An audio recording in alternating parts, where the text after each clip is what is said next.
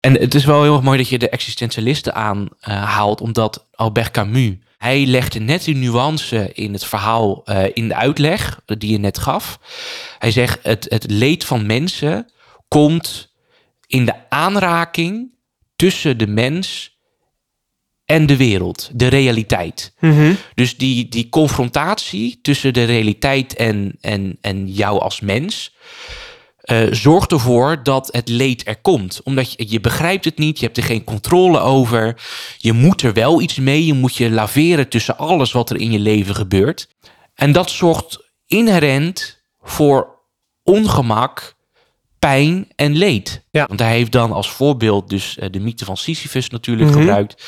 Die de straf heeft gekregen van de goden om tot in de eeuwigheid een, een steen naar boven te brengen. En de steen gaat dan weer naar beneden, moet hij weer opnieuw beginnen. En wat Camus daarin terecht stelt, is dat de moeite en het leed en, het pijn, en de pijn die gepaard gaat met die steen elke keer naar boven brengen, ook al is het oneindig, zorgt voor zingeving.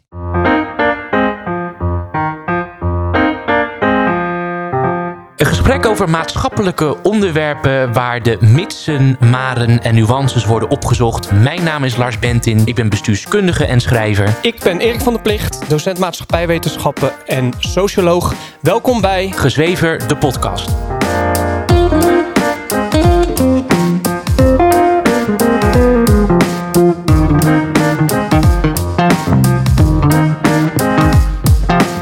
Goeiedag dames en heren, welkom bij een nieuwe aflevering van Gezweven de podcast. De stelling van vandaag, het onderwerp van vandaag is lijden is een mensenrecht. Ja. Lars, vertel, wat bedoel je daarmee? Ja, ehm, ik heb hier de laatste tijd heel veel over nagedacht. En het, het komt er eigenlijk op neer dat de afgelopen jaren lijden eigenlijk wel een, een, een centraal onderdeel heeft gespeeld in mijn persoonlijke ontwikkeling. En dan vooral het omgaan met, eh, met lijden, en vooral met mentaal lijden. Nou ja, en, en jij persoonlijk, maar het is natuurlijk ook maatschappelijk Ja. de afgelopen jaren een groot thema geweest met de De cor- coronacrisis. corona, ja. crisis. Klopt, ja, ja. Ja, dus dat ja, heeft me eigenlijk doen nadenken over de functie, eh, de functie van lijden. Ja. Want ook in mijn persoonlijke ontwikkeling kom ik er steeds meer achter. En ik weet niet of jij dat kan beamen, maar kom ik in ieder geval steeds meer achter dat hoe ik naar lijden aankijk, een groot deel van mijn leven vals is geweest of niet goed is geweest. Ehm, en wat bedoel ik daarmee te zeggen? Ik heb altijd gedacht aan lijden alsof ik dat moest vermijden en dat ik een soort tranquiliteit moest vinden. Een soort, ja, gewoon rust en regelmaat en eh, niet al te veel gedoe. Eh, Maar vind je, vind je dat niet dan? Vind je dan niet dat je rust en regelmaat moet vinden in je leven? Ja, ik denk wel dat je daar moet streven, maar ik denk dat je jezelf daardoor kan afleiden door de momenten waarin lijden gewoon intrinsiek onderdeel is van Ja. het leven. Ja, dat, ik denk dat de fout die je dan maakt is te denken dat lijden niet hoort bij rust en regelmaat. Ja, klopt. Ja, Of ja. tranquiliteit. Ja. tranquiliteit. Terwijl lijden natuurlijk ook het accepteren dat lijden onderdeel is van het leven, leidt juist tot rust en regelmaat. Ja, ja, ja, precies. Ja, klopt. Ja. Dus dat is een heel belangrijk onderdeel eh daarvan. En ik moet eerlijk zeggen dat in mijn persoonlijke ontwikkeling ik het leren omgaan met lijden wel een van de meest moeilijke aspecten vind. Ehm, het, het zit nogal in, eh, nou, niet in heel mijn familie, maar het is wel een familietrekje. En zeker ook bij, bij mij dat als ik dan een beetje hoofdpijn heb, of ik voel me een beetje naar, of mentaal voel ik me niet zo goed, dat ik het heel groot kan maken. Ehm, dat ik erop kan blijven focussen. Dat ik het weg wil hebben. Dat ik naar manieren en middelen zoek om mijn lijden eh, te verdoezelen of weg te halen. Het eigenlijk het controleren, je wil het eigenlijk, je staat van zijn wil je eigenlijk Ja, controleren. Ja, klopt. Ja, ja, ja. Daar wil je volledige controle over. Ja. Terwijl ik er ook steeds meer achter kom, en het gaat ook steeds beter gelukkig, is dat het accepteren van lijden en het leren van lijden en door het lijden heen gaan heel veel rust geeft. En dus ook die regelmaat geeft. Neem niet weg dat het natuurlijk heel erg moeilijk is, maar ik ben wel heel erg blij met de verandering in mijn denken en mijn, eh, mijn houding tegenover lijden. En dat deed me ergens aan, aan, eh, aan denken, zeker aan onze maatschappij, heden ten dagen, dat zeker na corona er heel veel discussies ontstaan over psychisch lijden, over depressies, eh, over lijden in het algemeen. Want corona-maatregelen hebben qua fysieke vrijheid ehm, heel veel beperkingen zijn daar eh, natuurlijk opgelegd. Heeft eh, effect gehad op je fysieke welzijn. Als het gaat om sporten en dergelijke.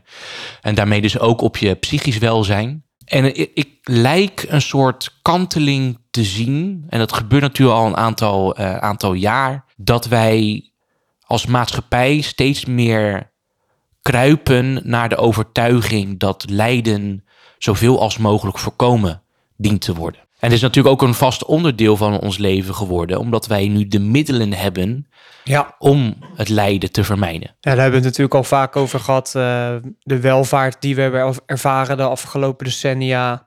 En ook technologieën die, ons, die het steeds makkelijker maken Ja. om niet meer te lijden. Ja, Om ons door onszelf steeds af te leiden. ja, Ja. ja. Ja. dus inderdaad sociale Eh, media. af te leiden, het zit ook al Ja. in het woord. Dat je, je niet, dat, dat je iets doet om je niet te focussen op het lijden. Ja, klopt. Ja.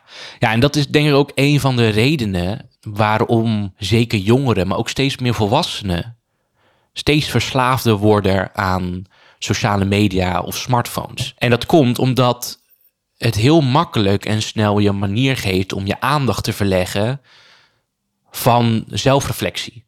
Van eh, problemen die je ervaart, je visie op jezelf, visie op anderen, eh, je eigen ontwikkeling, je eigen positie in het leven. En eh, hoe heette die YouTube, hoe heet het YouTube kanaal ook meer Healthy Gamer? Healthy gamer, ja. Healthy Gamer had ik laatst een, een, een aflevering van gezien. En die zei dat door alle techniek er steeds minder mogelijkheid is om op een gezonde manier emoties te verwerken door de dag heen. Tegen, tenminste vroeger, en dat hoor je natuurlijk vaak nu van eh, en wat men dan noemt de, de, de oudere generatie, de boomers. Als zij dus zeggen dat zeker de jongere generaties niet goed kunnen omgaan met hard werken, dat het vroeger normaler was. Eh, daar hebben ze heel veel kritiek op. En als ik dat hoor, dan denk ik van ja, maar in connectie met wat Healthy Gamers zegt. Vroeger had je ook heel veel ruimte op een dag, als je klaar was met- werken, of op andere momenten, om je emoties te verwerken eh, in de manier waarop, waarop je leeft. Want ja, ja, je werd gewoon geconfronteerd met die emoties en daar moest je mee dealen. En dat wil ik niet zeggen dat zeker die generatie heel goed met de emotionele problemen omgaan, want dat, dat is natuurlijk een andere kant. Maar ze konden er natuurlijk wel op een natuurlijke manier mee geconfronteerd worden. En waarom zeg ik dit? Is omdat ik bang ben, ben dat de samenleving, eh, maar ook de politiek, eh, hoe wij kijken naar lijden, dat wij de mensen steeds meer willen beschermen tegenover het lijden aan zich. En ik denk dat dat een zorgelijke ontwikkeling is, omdat als je kijkt naar experts, als je kijkt naar eh, mensen die wij, die wij hoog hebben zitten, die goed zijn in hun werk, goed zijn in sport, eh, die de top hebben bereikt, dan, en zij vertellen over hun leven, hoe ze die top hebben kunnen bereiken, dan is er geen verhaal waarin zo iemand zegt van nou, ik heb een heel makkelijk leven gehad en ik heb minimale inzet getoond en nu, Nee. nu ben ik gekomen waar ik ben eh, Nee. gekomen. Klopt. Dus er zit heel veel lijden in hun levensverhaal verwerkt. En eh, de, de clichézin is natuurlijk van... ik vond het heel naar, maar het heeft me wel gemaakt tot wie ik ben. Ja, En, en daar zie ik dus een soort paradox waarin... eh, niet alleen in de sociale omgang, maar ook in de maatschappij en in de politiek... we steeds meer gefocust raken op het mentale welzijn. En dat dan zo interpreteren dat we mensen willen beschermen tegen elke vorm van ongemak en leed. ja. ja, vooral die focus op mentale welzijn is de afgelopen eh, jaren inderdaad eh, zeer aanwezig. Ja, Als we een paar basisaannames meenemen. Een denker die wij eh, allebei zeer hoog hebben staan, Jordan Peterson. ja, eh, Zijn credo is life is suffering. ja, Het leven is lijden. Ja. En hij heeft het ook, en, en dat sluit ook trouwens aan bij hoe ehm, existentialisten naar het leven kijken. En hij omschreef het verschil tussen existentialisten en psychologen.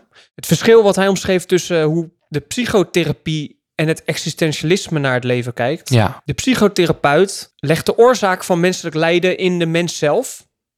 En een existentialist legt de oorzaak van het lijden in het leven zelf. Ja, Dat is een hele andere benadering. ja, Als jij naar een, naar een typisch eh, klassieke psychotherapeut gaat en je zegt dat je mentale problemen hebt, dan wordt de oorzaak van dat probleem in jouzelf gezocht. Dan ga je je, je jeugd en dergelijke herleven en eh, achterhalen waar, dat, waar die gedachtepatronen Ja. vandaan komen. Is natuurlijk hartstikke... Ik, ik, ik, ik zeg niet dat de ene stroming of de andere stroming gelijk heeft. Ja. Het is een andere benadering. Als je naar een psychotherapeut gaat die zich baseert op het existentialisme, er zijn bijvoorbeeld voorbeelden als Irvin de, eh, J. eh, de Jaloom, die zijn boek heeft geschreven zoals eh, Nietzsche's tranen en eh, de Schopenhauer Cure. ja, Die zegt, de oorzaak van het lijden zit in het leven. Ja. Het leven zelf is lijden. ja, Eh, je wordt geworpen op de wereld. Je hebt geen invloed op of je wel of niet geboren wordt en waar je geboren wordt en in welke tijd en hoe je er in het geslacht en, enzovoorts. ja,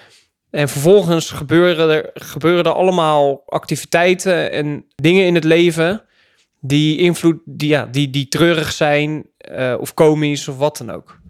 Dus het leven zelf is lijden. ja, Dat is een onvermijdelijk feit van het leven. ja, En wat ik jou nu dus hoor zeggen is dat de focus tegenwoordig vanuit de politiek ligt om dat lijden, wat dus een onvermijdelijk feit van het leven is, zoveel mogelijk te controleren. ja, En dat doet me heel erg denken aan rationali- de rationalisering die eigenlijk sinds de industriële revolutie, of eigenlijk sinds de, sinds de verlichting, eh, zich heeft laten zien. Dat we zoveel mogelijk de werkelijkheid proberen te structureren en voorspelbaar proberen te maken. ja, En dat betekent, wat dat eigenlijk betekent, is dat we zoveel mogelijk het lijden ze proberen voorspelbaar en beheersbaar te maken. Ja. Dat is dus eigenlijk wat ik jou hoor zeggen. Dus het is enerzijds, het is een onvermijdelijk feit van het leven. Ja. En de politiek ziet de politiek, de huidige, de huidige politieke overtuiging is, en daar heb jij ook een voorbeeld van, van de Ja. VVD,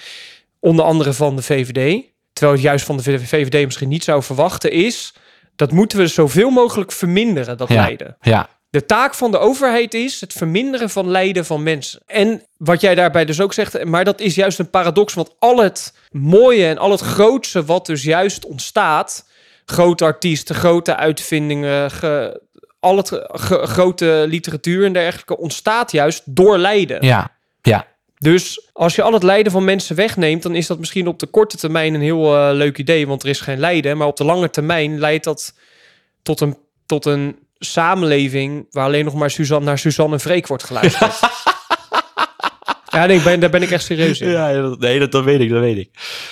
Nee, maar het is, het is eh, kijk, met de goede bedoelingen eh, zijn mensen natuurlijk in de maatschappij en de politiek bezig om het, lei- het, het leed van mensen te verminderen. Dat, dat is niet met, met slechte bedoelingen. Het punt is alleen daarmee dat ze daar mensen niet mee helpen. Nee, precies. Het- dat, is jouw, dat is jouw boodschap. Ja, Ja, Het, het erge is, Daarom ook de titel, lijden is een ja, mensenrecht. ja, je ontneemt mensen eh, de mogelijkheid om de beste versie van zichzelf te worden. Juist. Om zichzelf volledig te kunnen ontplooien eh, en te ontwikkelen. En ik, ik, vind, ik vind dat zo erg, omdat dat. Hoe kunnen we dus aan de ene kant naar die mensen kijken die top hebben bereikt en die aangeven dat lijden een, een intrinsiek onderdeel was van hun ontwikkeling. En dat we al die mensen in de samenleving zoveel als mogelijk leed, leed, leed proberen te ontnemen. En daardoor dus hun eigen potentie afnemen. En een concreet voorbeeld eh, daarbij is, we hebben het al vaak over gehad natuurlijk, is de genderideologie. Dat is een heel actueel en ik denk ook een heel mooi voorbeeld hiervoor. Omdat in plaats van dat mensen geconfronteerd worden met het lijden dat zij misschien niet naar de verwachtingen van de maatschappij, aan de, van de, aan de verwachtingen van de maatschappij kunnen voldoen, of aan de verwachtingen van zichzelf kunnen voldoen, of aan hun eigen genderrol, of wat het ook is. Eh, in plaats van daarmee leren omgaan, om zichzelf te kunnen ontdekken, om zichzelf te kunnen ontwikkelen, Krijgen ze medicijnen, kunnen ze geslacht aanpassen. kunnen ze en de, zo. wordt de hele realiteit aangepast. Ja, precies. Ja, maar dat heeft dus ook weer met lijden te maken. Met het voorkomen van lijden, inderdaad. Ja, ja, ja, ja. Dus zo zie je eigenlijk al de, de, het, het de fundamentele fout die we maken door mensen te proberen te beschermen tegen de wereld, terwijl dat niet kan. Je, kan, je, Nee. leeft, je leeft in de wereld. Ja, En- en, en, wat ik dus net zei, de wereld, het leven is, is lijden. Ja, ja. En het is wel heel erg mooi dat je de existentialisten aanhaalt, omdat eh, Albert Camus, die Ja. vaak tot de existentialisten eh, eh, wordt toegewezen, maar dat niet is, dat, zoals hij dat zelf zegt. Eh, hij was een absurdist en hij legde net die nuance in het verhaal, eh, in de uitleg die je net gaf. Hij zegt, het, het leed van mensen komt in de aanraking tussen de mens en de wereld, de realiteit. Mhm. Dus die, die confrontatie tussen de realiteit en, en, en jou als mens. eh, zorgt ervoor dat het leed er komt. Omdat je, je begrijpt het niet, je hebt er geen controle over. Je moet er wel iets mee, je moet je laveren tussen alles wat er in je leven gebeurt. Continu bepalen hoe jouw positie is tegenover het leven en hoe het leven tegenover jou staat. En dat zorgt inherent voor ongemak, pijn en leed. Ja. En de beste manier om daarmee om te gaan, is om daarmee om te gaan. In plaats van dat je dat probeert te vermijden, zoals tegenwoordig Ja. dus vaak gebeurt. Want hij heeft dan als voorbeeld dus eh, de mythe van Sisyphus natuurlijk Mhm. gebruikt, die de straf heeft gekregen van de goden om tot in de eeuwigheid een, een steen naar boven te brengen. En de steen gaat dan weer naar beneden, moet hij weer opnieuw beginnen. En wat Camus daarin terecht stelt, is dat de moeite en het leed en, het pijn, en de pijn die gepaard gaat met die steen elke keer naar boven brengen, ook al is het oneindig, zorgt voor zingeving. Precies. En dat is dus die nuance die ik ook wil, wil, wil aanbrengen, is dat het omgaan met leed en met pijn en met ongemak zorgt dus voor die zingeving. Ja, En wat Heidegger, eh, want je had het net ook al aangehaald, terecht ook aangaf, is dat met techniek, hoe eh, geavanceerder dat wordt, de interactie tussen de mens en de wereld om hem heen steeds meer verminderd raakt. ja. En daardoor dus Ja, ook en- zingeving. En dat we steeds meer de wereld ook als een, als een reserve gaan zien. Ja. Zo noemt hij dat. Als, een, als iets wat daar is om ons continu te dienst eh, te staan. Ja, ja, ja, ja. In plaats van dat het iets is wat ons in zekere zin overkomt en wat we niet kunnen controleren. Ja, En dat is dus ook, eh, want jij, toen we het voorgesprek hadden, voordat we deze aflevering opnamen, had je het over de VVD. Dat ze bij op één zaten, eh, Sophie Hermans en eh Karremans. En toen zei Sophie Hermans, zei iets wat, wat eigenlijk niet eens meer aansluit bij waar de VVD ooit voor stond. ja.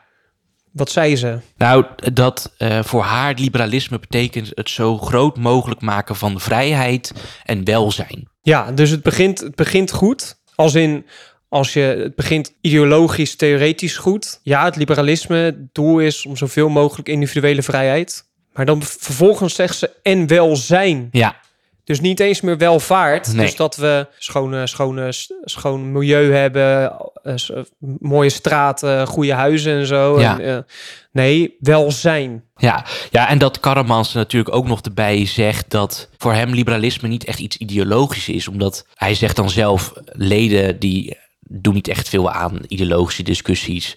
En eh, laat staan de kiezers, die willen gewoon dat problemen opgelost worden.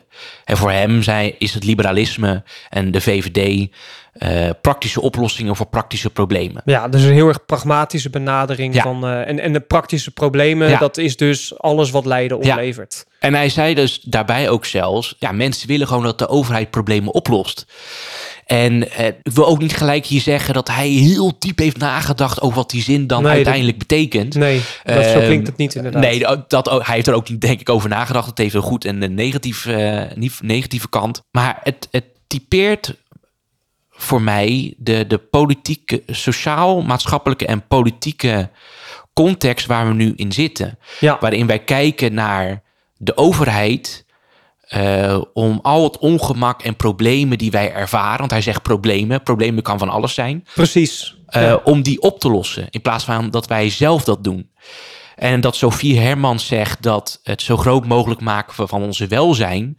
heeft ook heel veel implicaties. Want wat betekent dat uiteindelijk? Ja, want nou ja, goed, wat is welzijn? Hè? Welzijn is je mentale gesteldheid. Ja, Dus welvaart is, om het heel simpel te, te, het onderscheid te maken, welvaart is de fysieke of de materiële werkelijkheid waarin je leeft. ja, Dus hoeveel geld je hebt, eh, hoe je huis eruit ziet en dergelijke. Dat je een auto hebt of Ja. een fiets. Welzijn is de immateriële, het immateriële aspect van je gesteldheid. Ja, En als het de taak van de overheid is, dus eigenlijk van iedereen, om, de, om, de, om het welzijn van ieder individu zo hoog mogelijk te, te houden, ja, dan wat betekent dat dan? Dat heeft dat dan iets. Dat heeft niks meer met liberalisme te maken, of met Nee. een klassieke, of met de kleine overheid, of wat dan ook. ja. ja voor mij een, een, een slag dieper. Eh, Als de, als de VVD dit al niet eh, op die manier benadert, dan, dan denk van oké, maar waar zijn we dan als maatschappij? Want het, het politiek, bestuurlijk en sociaal-maatschappelijke context, de, die context die we nu hebben, bepaalt wel hoe wij ons leven leven en wat wij belangrijk vinden in onze maatschappij. Ook Ja. natuurlijk andersom. Mhm. Maar als zulke partijen als de politiek daar al zo pragmatisch tegenover staat. Eh, en daar ook zelfs trots op is, dan vrees ik voor de persoonlijke ontwikkeling van mensen in, in de toekomst. Zeker voor jongeren die in hun adolescentie, in hun puberteit, eigenlijk ook al in hun kindertijd, kindertijd moeten leren dat het niet altijd in één keer gaat. Dat je continu. Nou ja, nou ja, goed, hier hebben we het natuurlijk Ja. eh, vaker over gehad. En dit is dus ook wat ik zie als docent. Dat jongeren steeds meer het lijden uit, eh, uit hun leven wordt weggenomen. En, maar daar goed, daar hebben we het al zo vaak over gehad. En ik, ik snap dus inderdaad helemaal wat je bedoelt. Dat we eigenlijk, en dit, dit wordt ook, dit hoor je ook, hoor je ook, hoor je het ook steeds vaker, hè, dat we een, dat we maatschappij, samenleving zijn aan het creëren, waarin men, met, met zwakke mensen. Ja. Maar dat, dat, omdat de goede bedoelingen die wij hebben. Want dat, ja, dat de goede beetje. bedoelingen die wij hebben, die wij hebben, de goede bedoeling die men heeft, is heel erg is gericht op de korte termijn. Ja. Ja. ja en, en- heel erg utilitaristisch. Dus Ja. heel erg eh, maatregelen moeten het grootste welvaart voor het grootste aantal mensen opleveren. En ik las toevallig, ik heb een scheurkalender van eh, met, met iedere dag eh, iets wetenschappelijks. En dit ging over het utilitarisme. En Smith, of John Stuart Mill, excuus, maakte geen onderscheid tussen blijdschap die wordt opgeroepen door het eten van een ijsje. Of blijdschap die wordt opgeroepen door het luisteren naar Mozart. ja. Dat was voor hem evenveel. Dat is uiteindelijk, als je de rekensom maakt, even belangrijk. En dit Ja. is dus precies wat je nu ziet. Ja. Op de lange termijn is het beter als mensen lijden. Ja. Over een mensenleven gezien. Ja.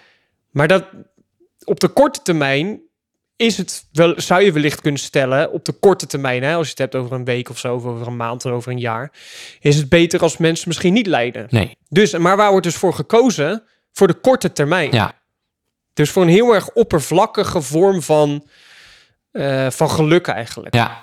ja, het is natuurlijk ook een heel impopulair standpunt. Want, eh, Daar zou ik over na te denken. Het is een impopulair standpunt eh, om de stelling te nemen: mensen, eh, eh, mensen hebben het recht om te lijden. Ja, lijden ze mensen. Le- Leiden ze mensenrecht, excuus. Maar dat is echt gevoels, een... Ja, maar, ja, maar gevoelsmatig, dus, tenminste dat heb ik zelfs nu ook, als ik dat uit, eh uitspreek, ja, maar je, je, het voelt af en toe een beetje, en dat moet je natuurlijk onderscheiden, het voelt een beetje voor mensen, als mensen dat zeggen, dat je eh, het eigenlijk mensen wel gunt dat ze gepest worden in, in, eh, in, in, hun, in hun jeugd. Ik gun, het- ik, je- gun, ik gun mensen lijden. Ja, Het gunnen, gunnen of ze gepest worden of iedere vorm van, van, van lijden. Daar, ik ben niet om te bepalen welke vorm van lijden dat is. Maar mensen... Ik gun mensen het om te lijden. Ja, Ja. zeker. Ja, nou, dan krijg je dus die, die praktische discussies van, eh, van ja, oh, dus eh, vind je het dan, eh, dan vind je het wel goed zeker dat die vrouw kanker heeft gehad of iets dergelijks. Dan krijg je de hele banale discussies Juist. die wel typerend zijn natuurlijk voor, eh, voor hoe wij in deze samenleving kijken naar lijden. Alsof we het goed praten dat iemand eh, in zijn jeugd is, eh, elke dag bijna is in elkaar is geslagen omdat hij een beetje anders was bijvoorbeeld. Maar dat neemt natuurlijk, ja, dat neemt natuurlijk niet weg dat inderdaad op de lange termijn leed fundamenteel is voor persoonlijke groei en ontwikkeling. En dat, niet dat we dat moeten stimuleren, maar dat we dat ook, dat we ook het besef hebben dat we dat, nu, dat niet weg kunnen halen. Nee, het is niet te controleren. Dat is het hele punt. En dat is ook, dat is ook de hele discussie omtrent sociale ongelijkheid. Daar gaat het de laatste tijd weer heel veel om. Sociale ongelijkheid in het onderwijs. Nu las ik weer dat er sociale ongelijkheid zou zijn bij de, geneeskundeopleidingen. Omdat, Oh, er, ja, ja. omdat er alleen maar eh, witte, witte vrouwen rondlopen en zo. En dan moet al het beleid moet erop gericht zijn om dat lijden, dus die sociale ongelijkheid, zoveel mogelijk te verminderen. Terwijl als je accepteert, wat trouwens een heel conservatief standpunt is, dat ongelijkheid en lijden een fundament, een, een centraal onderdeel is van het leven, Ja, dan stop je ook met op elke ongelijkheid of, of eh, elke vorm van lijden maar een, een nieuw beleid te implementeren. ja, ja. Het is soms nu eenmaal zo en dan zijn mensen er, dan zouden mensen er voor elkaar moeten zijn in een maatschappij waarin mensen in sociale cohesie met elkaar samenleven. Maar goed, die sociale cohesie is er ook niet meer, omdat, omdat de overheid alle vormen van Ja. lijden overneemt. Ja, klopt. Ja, ja, ja, dat klopt. Dus dan zie je ook dat als je het niet accepteert dat eh, lijden een centraal onderdeel is van mens zijn, van het leven, dat je ook tegenwoordig ziet dat je blijkbaar lijden kan kwantificeren, bijna, en kan afwegen tegenover elkaar. Want aan de ene kant moet lijden zoveel als mogelijk vermeden worden. Aan de andere kant is het lijden als collectieve groep is dat belangrijk in de machtsstrijd binnen de samenleving. Ja, Dus dan leid je als eh, vrouw meer Ja. dan als man in het leven. nou ja, en dat, dat, ja, en dat zie je nu dus ook gebeuren. Ja, Beleid wordt gebaseerd op de, op de groep of de identiteit ja. die het meest leidt. Terwijl de vorm van lijden natuurlijk bijna in geen enkele mogelijke, op geen enkele mogelijke manier met elkaar te vergelijken Nee. is.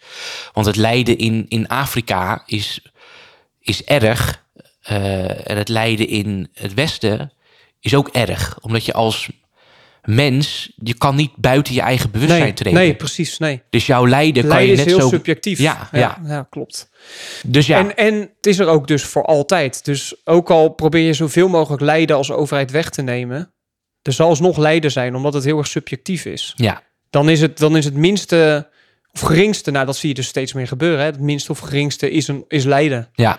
Ehm, Ja, ja, ja, dat klopt. Ja, ja, ja. ik bedoel, ik, eh, ik, heb, ik kan niet, eh, ik heb niet makkelijk toegang tot eh, dit gebouw, want er zit een drempeltje. En eh, dat, nou, het de, Tocqueville effect. hè? ja, ja, ja. Dus Inf- ja, Inflatie van lijden, waarbij als je ja, niet meer eh, op thuisbezorgd van de bakker, nee, van de, van de snackbar om de hoek iets kan bestellen. ja, dat is moet dan je lijden. helemaal naar beneden. Ja, dat wordt dan lijden. Ja, ja.